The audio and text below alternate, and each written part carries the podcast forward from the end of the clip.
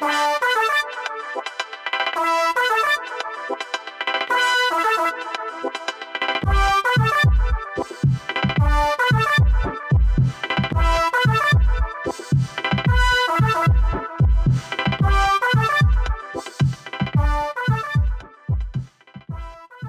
här är MKB-podden med Anna och Staffan, hur medievetare förklarar världen. Welcome to this new episode of MKV-podden, this time in English again. And it's also a completely new format. It's MKV on Sverige-turné, MKV-podden on Sweden tour. Staffan, do you want to explain? Uh, yeah, we had this idea uh, that we it would be interesting to visit a number of departments in institutions out in Sweden. I mean, there are quite many. If you take media and communications, there are like twenty or something. Uh, uh institutions doing programs, at least bachelor programs, and at least half of them does PhD programs. Uh, so just uh, yeah, to discuss what are they all up to? Are we doing the same thing here with media and communication? And what are the challenges and what are the potentials for our discipline in Sweden? That sort of thing. But also to spread the word about what, what other people are doing. Because it use, it's you often said that Swedish academics are sort of home loving people. They stay put, like they, uh, they try to get hired in the institution where they did the dissertation, and students tried to, or basically apply to the local university. Uh, so it's uh, perhaps too little is known about what is going on uh, around Sweden. So that's the main idea. We'll, we'll we see how it, how many we will. We probably want to all twenty, uh, but some that uh, we have a special interest in. Perhaps you could say. Uh, and it's also that we are kind of alternating this uh, MKV-podden på Sverige-turné with uh, normal episodes where we dive into contemporary questions um, as usual. And it's also that we're doing this tour to, of course, fulfill our mission to get Sweden to understand what MKV, MKV stands for, Media and Communication Studies. But of course, we have uh, guests, and we are visiting the first uh, MKV department. Um, this time it's Malmö University, and our guests are Bo Reimer and uh, Erin Cory. And we are very happy that you are with us today. Uh, and to learn more about both your work and the environment, the department that you're working at. Thanks for having us. Yeah, could you say just a couple of words about you personally, where you come from and, and, and what you're working on and so on, and how long you've been at, at Malmö? Bo, do you want to start or should I start? We can start, Erin. Okay. um, so my name is Erin Cory, and I have been, I'm a senior lecturer in media and communication studies at Malmö University. Um, and I've been there since 2017 when I came in as a postdoc in refugee migration and media studies as part of sort of a university wide initiative that was bringing in young scholars um, who had just kind of finished their PhDs and were working in different fields on the issue of. Um, of refugee migration um, uh, into Sweden. Um, so and so I've been there, yeah, five years now, which is great. It feels like some kind of like tiny milestone. Mm-hmm. Yeah.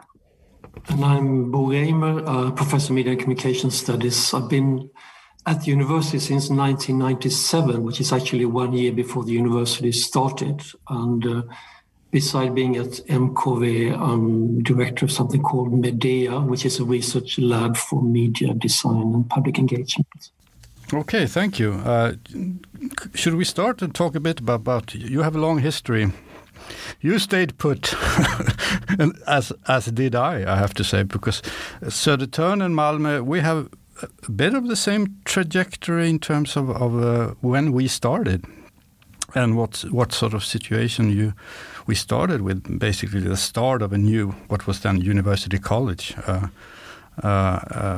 so, could you talk a bit about that? Sort of when you your aspirations when you started and, how it has worked out. Yeah.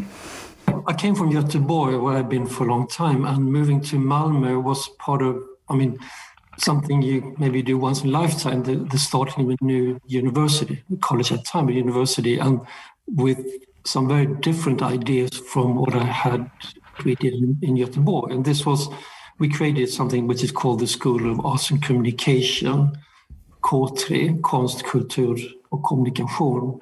And I think I would say that there were four things that characterized what we did initially that was quite different from uh, the MKV environment in Göteborg. The first was the cross-disciplinary environment, and that's not. I mean, we normally talk about the problems getting humanities and social sciences to talk to each other. Here, the idea was to get humanities, social sciences, technology, and the arts to speak to each other.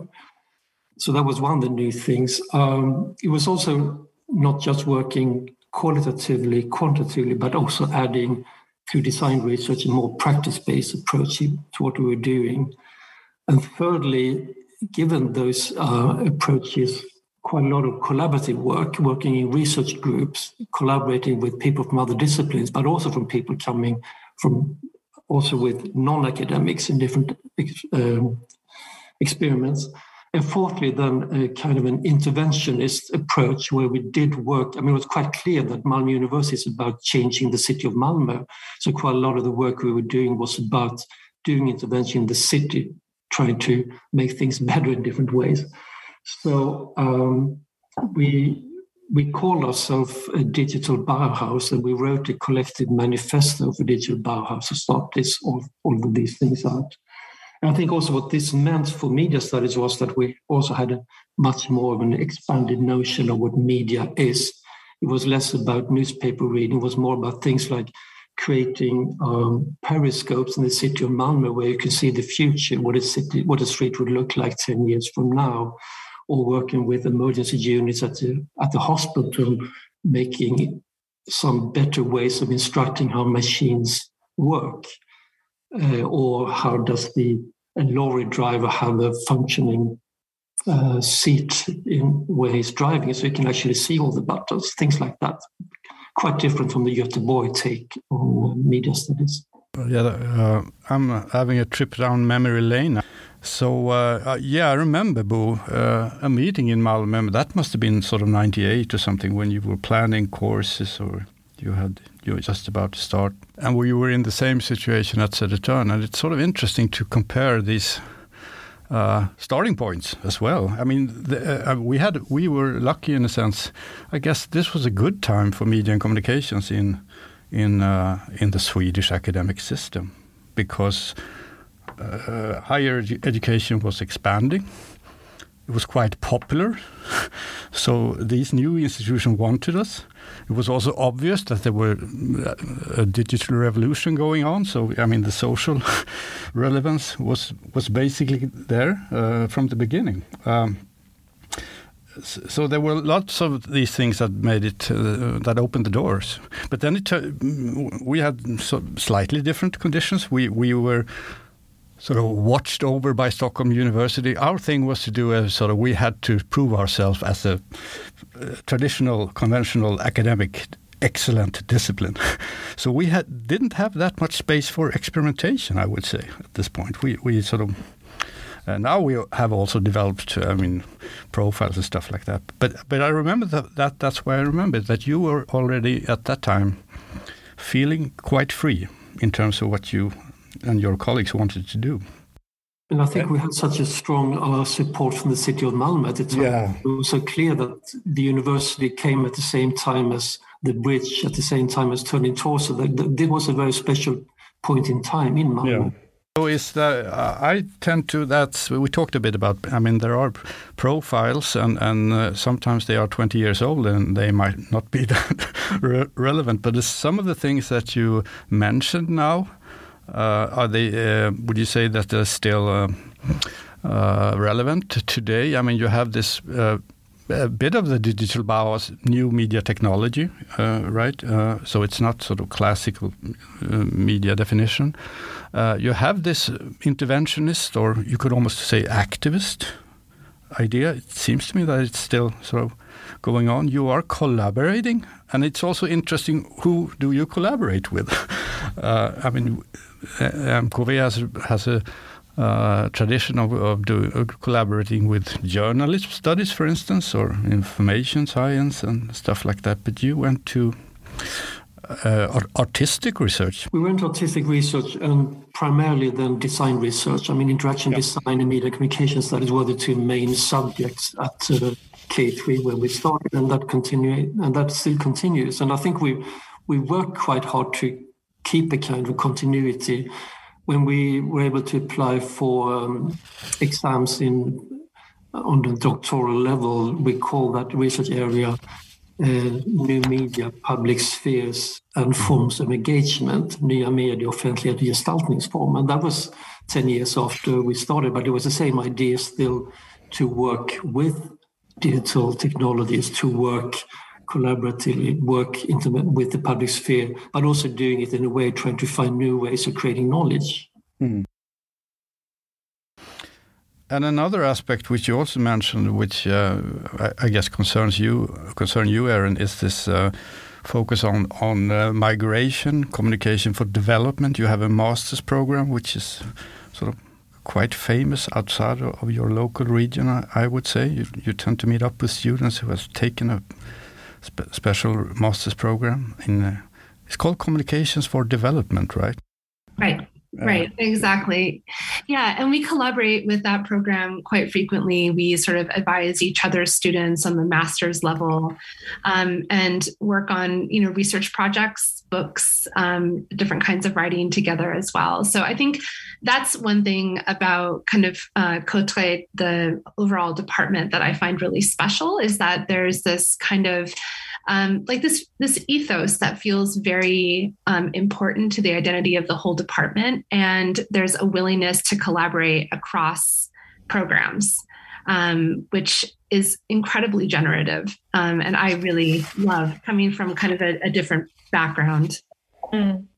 but maybe you can uh, tell us a little bit erin about how you came to to Malmö NK3 and MKV because you also you keep saying that you're coming from a different background yeah. in a way knowing your work it also quite represents what um, Bo was describing what's typical for the department yeah yeah I mean I think um, you know Bo and I were talking kind of about the arc of our program specifically the other day and so, just as a little bit of, a, of background, obviously, I'm not Swedish. Um, I come from California and I did my PhD at the University of California, San Diego. I finished in 2015. And that program um, is, is quite a bit older than, than MAU. Um, and it came out of the kind of political moment of the late 60s and early 70s and the sort of global student protests and um, this desire amongst a lot of students on that campus and in California, um, well, in the US and other places more widely, to have a, a, sort of curriculum that was not just kind of focused on the global north um, that wasn't just about sort of you know arm like you know white men in armchairs doing their research on media but was really a critique of american empire um, and looking at this through the lens of, of communication not just media studies but communication writ large. So it is a communication department. That's kind of what it's called. Um, and so this department that I, I come from was really heavily theoretical. Um, it was very kind of based on um, on that particular moment in history, and then kind of brought in a lot of critique from the Birmingham School Cultural Studies. So we um, we had a, a BA program and a PhD program, and kind of nothing in the middle. People could go into the PhD program and then leave at a certain point and take a master's with them. But basically, it was the undergrads and the PhD students, and we were responsible for a lot of the teaching of the undergraduates. And so there wasn't as much of um, the the sort of production and collaboration that has happened in our curriculum in, in MCS and MCOVE at, at Malmo University, although that has been changing. Like they the students had, for example, production requirements but it wasn't necessarily as baked in to the way that we assess students. Um, but in terms of the research happening, it was it's very very very committed to social justice. Like this is a cornerstone of that department. And so um, there isn't necessarily as much collaboration between the faculty as such in terms of their writing. I mean, this is also a very kind of US way of doing research, as it tends to be the sort of you're kind of on your own. Um, and so and so people do a lot of monographs. Like this is a big, you know, part of how you get tenure and how you get promoted. Um, and in terms of, you know, thinking about uh, collaboration between departments, for example, you have a lot of, uh, you know, for example, for a PhD committee, you would have different faculty coming from different departments to assess a, a communication student's uh, graduate thesis um, because it's such an interdisciplinary department. But in terms of the collaboration amongst the faculty, you know not so much. There are some research environments that are are really fantastic um, run by people like my mentor um, Elana Zilberg who's an anthropologist out of ut austin. Um, but but again there's not as much of that kind of daily um, you know talking and collaboration between different kinds of fields. Um, and i think that that is something that when i came to to malmo university I really enjoyed. I know I'm talking a lot. Is that okay? Can I just keep going? You can edit this, okay? um, but when I came to this program, I mean, I my for example my phd thesis wasn't really about media studies the way that um, a lot of my colleagues in MCS per se do media studies. It was about Beirut and it was about memory and the city and you know um, graffiti and um, protest walks and heritage trails and these sorts of things. Um, it was very ethnographic um, in nature and it took a long time to do. Um, and so when I came in, I was I was you know I felt like a little bit like a, like my research was a little bit outside or like a little bit different. That wasn't a bad thing. And i have i think because because of the teaching and now i'm kind of i'm co-directing the mcs master's program i've learned a lot um, you know f- uh, from a sort of different way of teaching media studies. Um, so that pro- the project i came in with was very much about looking at the city and looking at how um, new arrivals to denmark and to sweden make sense of the city both online and in their kind of daily urban practice. And that ended up translating into a Riksbankens Jubileumsfond funded project, which is what the article for today comes from. Um, and it, it is sort of more digitally based um, because of the pandemic. And, you know, we can get into that. But um, but that idea of like like daily collaboration between different programs and the kind of focus on production with our students is I think so refreshing and um, and is a very different way of doing things from from what I come from.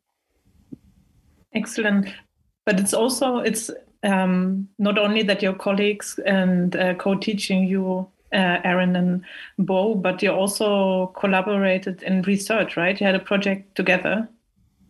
Can you say a couple of words about this uh, co-directed uh, project before we go into the uh, läser, we are reading section of today's episode. The too cute to puke project. yeah. Erin, you want to start? Do you want me to keep talking? This is like these moments are when I really realize how American I am, and I just keep I just keep going. perfect. I mean, um, right. So Bo and I. Um, our Bo is, has actually had um, much more communication in the past with the founder of this wonderful club night um, in Malmo called Too Cute to Puke, um, that was founded by um, Daniel Novakovic, who is um, kind of a mover and shaker around Malmo. He runs a bunch of different club nights, or kind of did, you know, more frequently um, before the pandemic, although it's coming back, which is great. Um, and he, so he had this wonderful night called Too Cute to Puke, which is woman fronted music. That's the focus, whether it's um, the DJs who are all women, um, the music, all women fronted, or the bands that are playing, all women fronted or women majority bands. Um, so Bo introduced me to Daniel. Um, he's fantastic. Um, and he put on this seventh anniversary party for Too Cute to Puke at Gran, which is a great um, a great venue in in Malmo, close to to Möllan. So we went, we took some master's students with us. Um, they recorded some live footage of the event and took photographs. Daniel was also around taking beautiful photographs. And Bo and I went around with our recorders and interviewed club goers about why they came to the night, um, whether they were regulars or whether they were new, how they found out about it, and what their experience of the night was. Um, we also got a nice interview with Daniel as well about the importance of this kind of cultural work in in Malmo. Um, and so we ended up turning this we're we're still working on an article about it but we turned it into a particular research object which bo can talk about yeah we uh, made a vinyl 45 out of the um, excerpted interviews with a nice uh, layout from Daniel as well, which is a way also trying to work on the idea of materiality, of moving things into new contexts and so on. And right now we're doing the the, the article, but then of course we get into the things about the.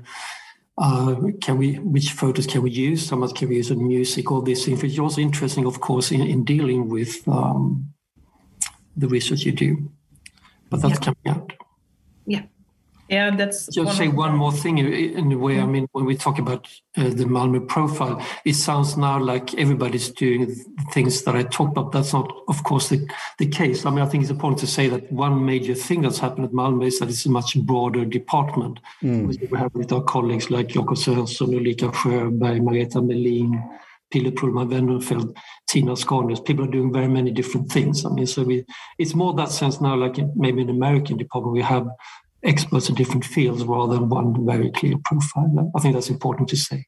Hmm.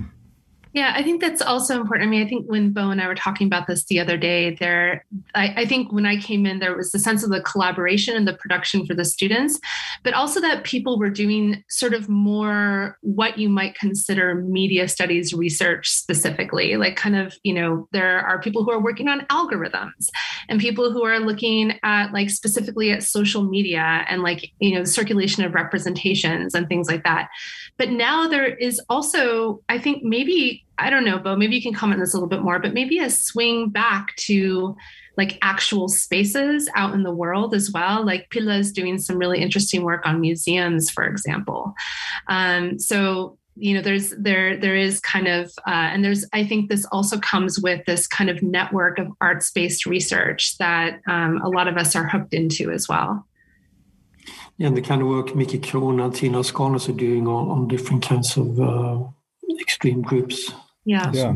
Yeah, exactly. Yeah. Yeah. yeah, not not only the progressive um, yeah. groups. Um, exactly. But but in terms of of uh, programs, uh, maybe we should say, uh, let's see see if I got this right. There is one sort of MCS program, a bachelor's program, right? Uh, uh, uh for all students, and then there is one master program, or or is there two master programs? Uh, media and communication studies and one in yeah. communication development. Okay. And the and the master in media and communication studies was uh, a hybrid online uh, campus based from the start. So we had yeah. we were very used to Zoom when yeah. COVID started. Mm. Maybe we should say something about the, the campus, which is beautiful. Or uh, I thought when I was last visited, geez, you you you're having a you're in luck, basically. Is, is it, uh, it's sort of by the sea in the old port, uh, and it, uh, just a walk from, from, from the city, from, from downtown, but it also sort of calm uh, in that area. It feels like a like a campus, basically, though it's in the center of, of town. Isn't but that right, Erin? Controversial, no? It's not uncontroversial. Like I, I mean, I can talk about the sort of you know coming from from where I did, where my office as a graduate student had a mold problem, and there are all these problems. Uh-huh. Seriously, like you know, basic like yeah. public health issues. Yeah. Um, and then coming to Niagara, which is this beautiful tower, you know, but of course it evokes this idea of the ivory tower on the edge of town, you know, and mm. and because um, you know, like Bo was saying, there's this real um, initiative and this real desire to engage with the city. Mm. Um, one of the things that I have heard from some of my interlocutors in grassroots organizations in the city is that they don't feel like the university is that approachable uh-huh. because of the kind of, it is a beautiful place yeah. to be and to socialize and to teach. Mm-hmm. Um, but in terms of that aspect of our, um, our you know priorities and our curriculum there is uh, a sense i think from some people in the city that it is very far removed yeah, um, yeah. Um, but it is a quite a lovely place um, to to be when we're able to be there of course yeah. but it does look corporate and i mean the whole yeah. building by the architect is, is a copy of a bank in copenhagen right and i think that's kind of yeah but, but maybe at the same time this also enables or kind of forces you to disperse the university. And we are going to talk about it in uh, the context of the article that we have read for today. You're collaborating a lot with other spaces in the city, no? Yeah. Yeah, I mean, at least for this this project um, that I was working on for a couple of years, um, that was definitely the idea. Yeah, absolutely, was to kind of um, it ended up being that it was an opportunity for um, Malmo University based researchers um, to talk with and work with um, folks who were involved in a grassroots arts based organization for new arrivals and new arrivals to Sweden on a, on a very practice based um, project. Um, so it mm-hmm. was it was very it was exciting and and uh, uh, yeah anyway it was it was yeah that's what the article is about mm. yeah maybe we can start talking about the article yeah now we have mentioned it a couple of times already and yeah. it's an article that uh, you both proposed to us as a reading that's not only maybe representing parts of the research that's that is being conducted at Malmö, but that's also circling around what we are doing here. It's about podcasting um, as a as a way to engage with um, um, research participants or produce co-produce uh, research materials. Right. Do you want to say something about the text? Yeah, and I also just want to make sure, like, Bo, do you feel like we've represented the program well? like, do is there anything else you want to say? No, I think it's fine. Let's go, go to the article. Article. Okay. Um, right. So, um, so I was flattered that Bo suggested this article as um, the the selection for the Vi läser part of the podcast. Um, it's an article that um, I co-authored with PhD student Hugo Boothby, who is one of our MCS um, doctoral students. Um, it's called Sounds Like Home The Synchrony and Dissonance of Podcasting as Boundary Object.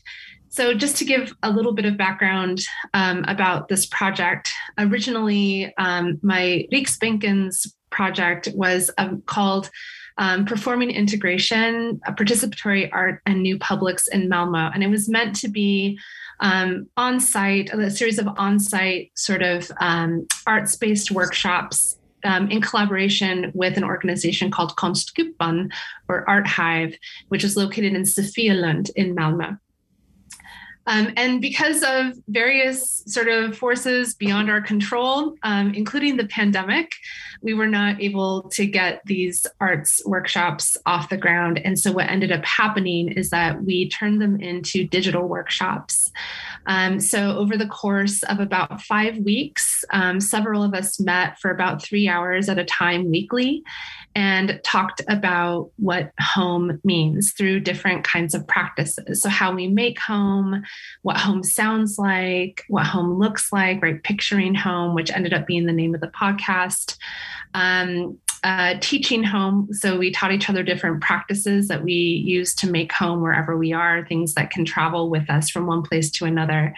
Um, and those those sessions, those Zoom sessions were recorded, but um, with the participants' permit permission, but with the with the caveat that they would never be shared as such. And so, what Hugo and I did, Hugo brings a wealth of experience in um, sound production especially from his work with the BBC, where he worked for several years. Um, so he was well poised to come in and help with the audio um, content. And we did it much like this. Um, so we used something called Zencastr, where we would record people's voices just from their phones or their computers and then go back and edit. Um, and so we kind of scripted, we invited participants onto the podcast every week around the different themes. And we offered kind of a basic script with certain questions we were interested in, with the idea that participants could edit and say, I don't want to talk about that. Um, or maybe we should rephrase it. And then we recorded the raw audio content and um, and cut and edited, sent it back to them, got their approval, and then put it online. So it was kind of this iterative process of um, co-production and collaboration um, with participants from different backgrounds um, who all live in Malmö. And it was very, it was very exciting and very, very moving and and intimate in a way that I think surprised um, at least surprised me and Hugo, and, surpri- and I've heard from some of the participants that it surprised them as well. In part because if we had stayed and sort of you know tried to gather people at Konstkuppen um, physically, um, that might have been really interesting. We were thinking about doing photo walks and biographical walks through the city and remapping the city and doing all this collage and, and this and that. But there was something about being in, in each other's homes for a project called Picturing Home. I mean, we were in each other's living rooms, albeit through a screen, but people were able to show up kind of as they were without the kind of feeling that this is going to be on display or I have to leave my house to go. Mm. I can actually just show up and talk and be with people, um, you know, in this sort of setting. And it was quite, quite beautiful. Um, so Hugo and I wrote this article um, trying to theorize what a podcast like this can do and, and trying to understand how different participants used it. And so we um, we argue that podcasting can be um, using Star and Griesemer's work and Star's um, solo work, um, that a podcast can be a boundary object. Um, and so that that's sort of the the crux of the article and um, you know we kind of draw things through like um, things about um, intimacy and um, and the dissonance um, that also happens around this this particular object of the podcast hmm. yeah and i mean the notion of the boundary ob- objects also uh, quite in- interesting because, because it comes from science and technology studies and right. it's the second time, or not the second time, but science and technology studies as kind of theoretical uh, entry points also to discuss objects that we are studying in media and mm. communication mm. studies mm. has been quite present in recent mm. years. But I'm also wondering about, you know, you describe how the project had to adjust to to the circumstances of the pandemic. But I mean, podcasting in general has become so popular. Yeah, yeah. Maybe podcasting is the medium of the pandemic. Maybe it is. Maybe it is. And I mean, I think like that that's one thing about, you know, thinking about the boundary object is that and and the the, the fact that this project ended up being sort of transmedial, right? So it wasn't just in the podcast. We did the Zoom workshops, but we also had an Instagram archive, which is still up. And people, so everyone who was involved kind of already had a working notion of how to use something like Instagram. Mm-hmm. Or, um, and we brought in things like Headliner, which is another app that allows you to record sound over an image and then save it and post it. And it's, it's quite mm-hmm. nice. It's uh, very handy um, but also like what a podcast was. Everyone who was working with us on this um, project knew what was sort of expected, you know. So there there is sort of a familiarity in that. Mm-hmm. The idea of the boundary object is something that people can participate in and work on together, but take different things away from um, and use differently, and also assign meaning to, you know, in, in different ways based on their own experiences was also very important in terms of like not um, sort of producing a narrative about migration, for example, that's this kind of like overarching, like all migrants do this, or all the migrants that we worked with are were involved in this because of X, Y, and Z. So it allowed, I think, for a little bit more nuance in terms of um, how people were participating and also, you know, what they took away from it personally afterwards. Yeah. You can also say about boundary objects, like you say, under comes from STS, but it has also been part of design research for the 20, yeah. last 20 years, yeah. I mean, much earlier than coming into media studies. But it, that's part of, of what gives it uh, sort of a radical potential, I guess. Uh, uh, you, you, seem to be claiming that podcasting has a radical potential uh, in terms of doing research, for instance. Is this notion of the boundary object? Is that right? Yeah, I mean, I think so. I think that there's, there's, I mean, I think it's two things. So, on the one hand, like in this article, what we're saying is that there is a little bit um, less of a, um, a like amazement or enchantment with podcasting now um, and and that because in part because podcasting has been taken up and made so not corporate but you know like there are like major podcasts out there like the ones that you listen to every week maybe that are produced by big studios. And so there is a line of thinking in podcast research that because of that podcasting's radical potential has been somehow negated or um, sort of diluted.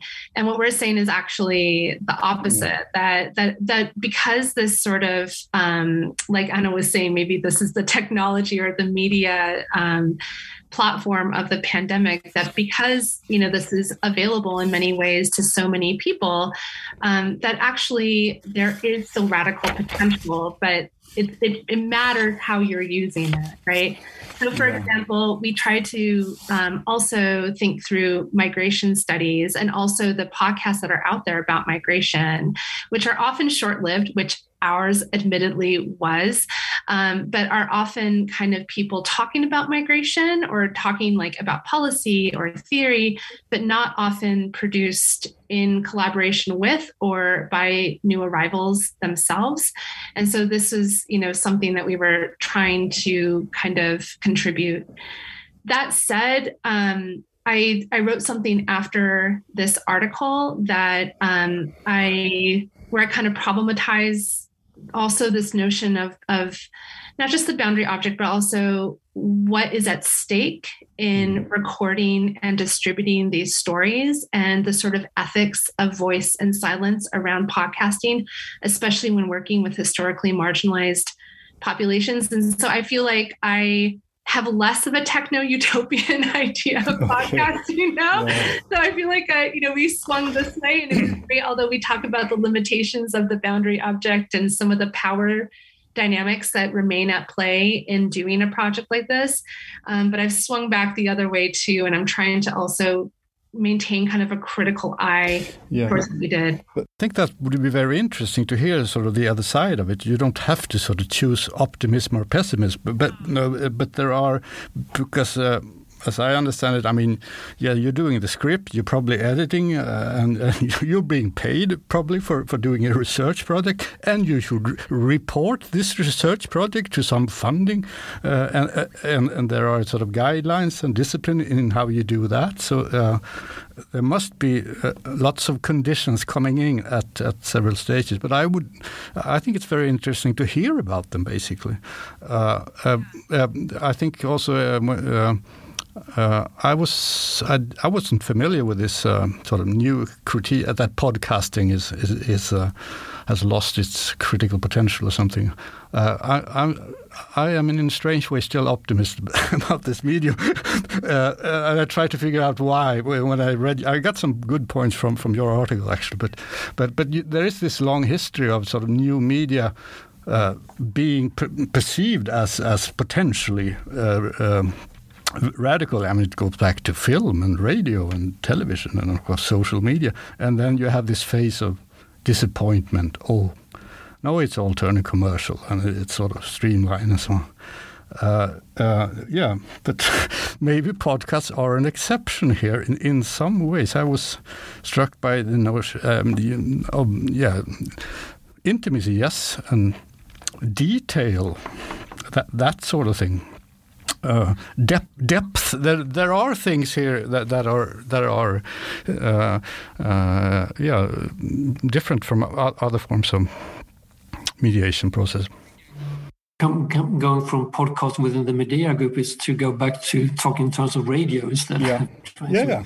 Revisit that and see the potential in that oh, yeah. for a new age. Mm.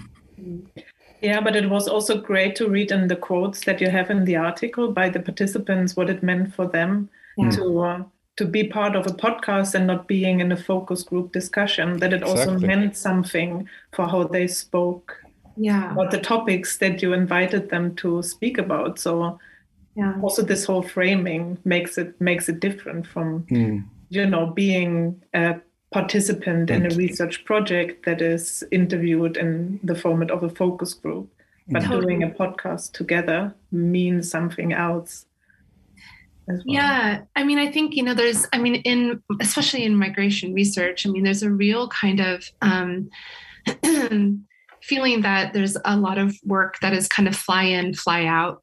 Um, and I mean, when you're working with folks who you know have very compelling stories, but have been asked so many questions. I mean, just over, I mean, just having to answer for themselves again and again and again through different, you know, platforms of bureaucracy and different, you know, different uh, environments where they've had to kind of explain themselves and where their story is always kind of couched in terms of what they left and why they came and is always about migration um, i think that you know from what from what interlocutors have told me is is exhausting. Anyway i think we can all understand why that would be exhausting.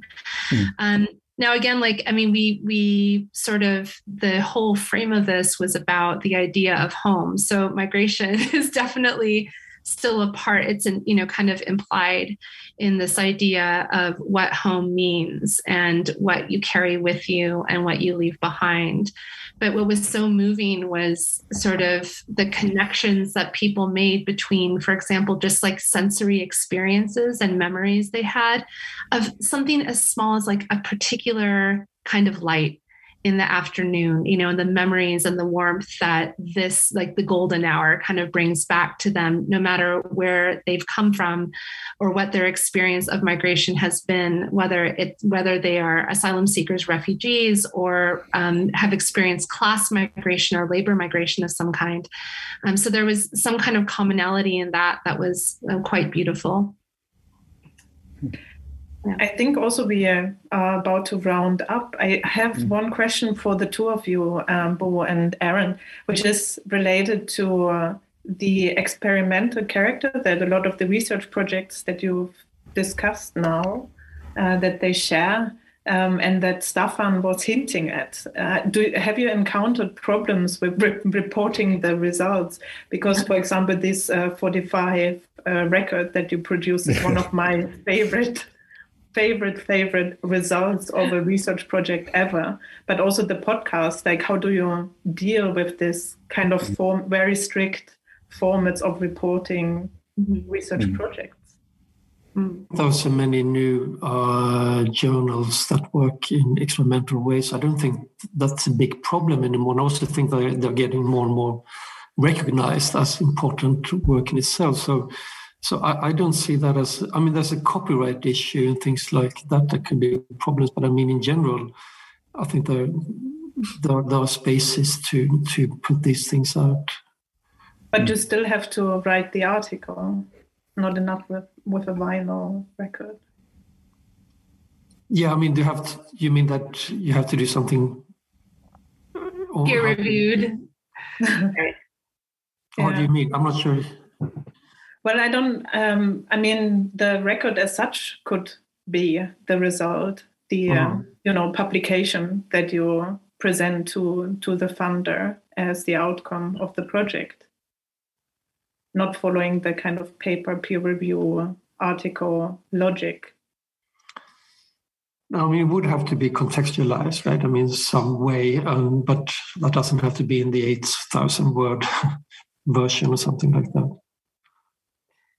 Yeah, and I think in terms of the podcast, like there's there's so much interesting work coming out like right now about um, you know podcasting as an ethnographic method. For example, Ian Cook has incredible work out right now that um, sort of uh, both um, sort of celebrates um, podcasting as a method and as a research object, but also is very cautious about the fact, as he says, I think he says something like a plurality of voices does not necessarily make it democratic or you know mm-hmm. radical mm-hmm. um, and so so there's some really great um, research coming out of, of that and i'm sort of I will be writing my final report for the RJ project sometime later this year. Um, and I, I think that it'll be a challenge definitely to sort of um, situate the podcast as in itself something that has been a vector for disseminating research in some way, you know, that it is sort of a text and it is sort of something that um, like Maggie O'Neill would call ethnomimetic research, you know, mm. that it was produced in collaboration with people. And just because it's not behind a paywall and just because it's not necessarily in this 8,000 word format, like maybe that's where some of the radical potential is, you know, mm. for kind of public scholarship. Um, that doesn't make it any less, you know, valuable, but um, but is maybe a new way forward. Mm. Perfect. Should we? Uh... Yeah, we should wrap up. I think. Um, yes, and we yeah. always wrap up with the same question. what kind of song do you want us to play for you that's related to today's topic? Oh my god. And we didn't think so, about this beforehand. We, I mean, we we've been DJing together, but we yeah. not often, not always agree on what the right song at a particular point in time. We have some songs that we like together, though, Bo. Okay, hold on, hold on. Let me go to my. Did we have a? We have a moment, right? Yeah, yeah, yeah. yeah. It's just. uh Bo and I have DJ together. Anna was actually Stefan. Were you there at the Nord Media? I was at Nord Media, but uh, uh, you didn't dance. I didn't. Uh, yeah, I must. I remember the venue. I was standing outside talking to people. That, that's what. I, yeah, a summer night. Yeah. Most guys did that until we played London's.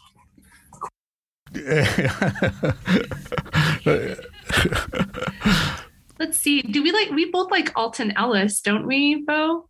We could, yeah. we agreed on Alton Ellis. I don't know if we could find something that or Toots and the Maytals. Oh, that would be great. no, I, I, shouldn't interfere. I just he died. He died quite recently, right? Uh, yeah. Yeah. What about um, Bo? Can I suggest one? Sure. What about Pressure Drop by oh, Toots and the Maytals? Yes. That's, okay. that's great. Maybe like maybe like that's. I think that's good because. Mm like I would like to think that like some of our research is taking the pressure off of like that publishing pipeline And we're going to find new ways of working with people, and we're going to find new ways of putting our research out there in a way that yeah. is good for our community as a whole. Yeah, yeah that's our tune. Yeah. yeah. Excellent. Then we take this one and play it. Thank you so much for joining us. Thank you. Thank you. This was so fun. You guys are awesome.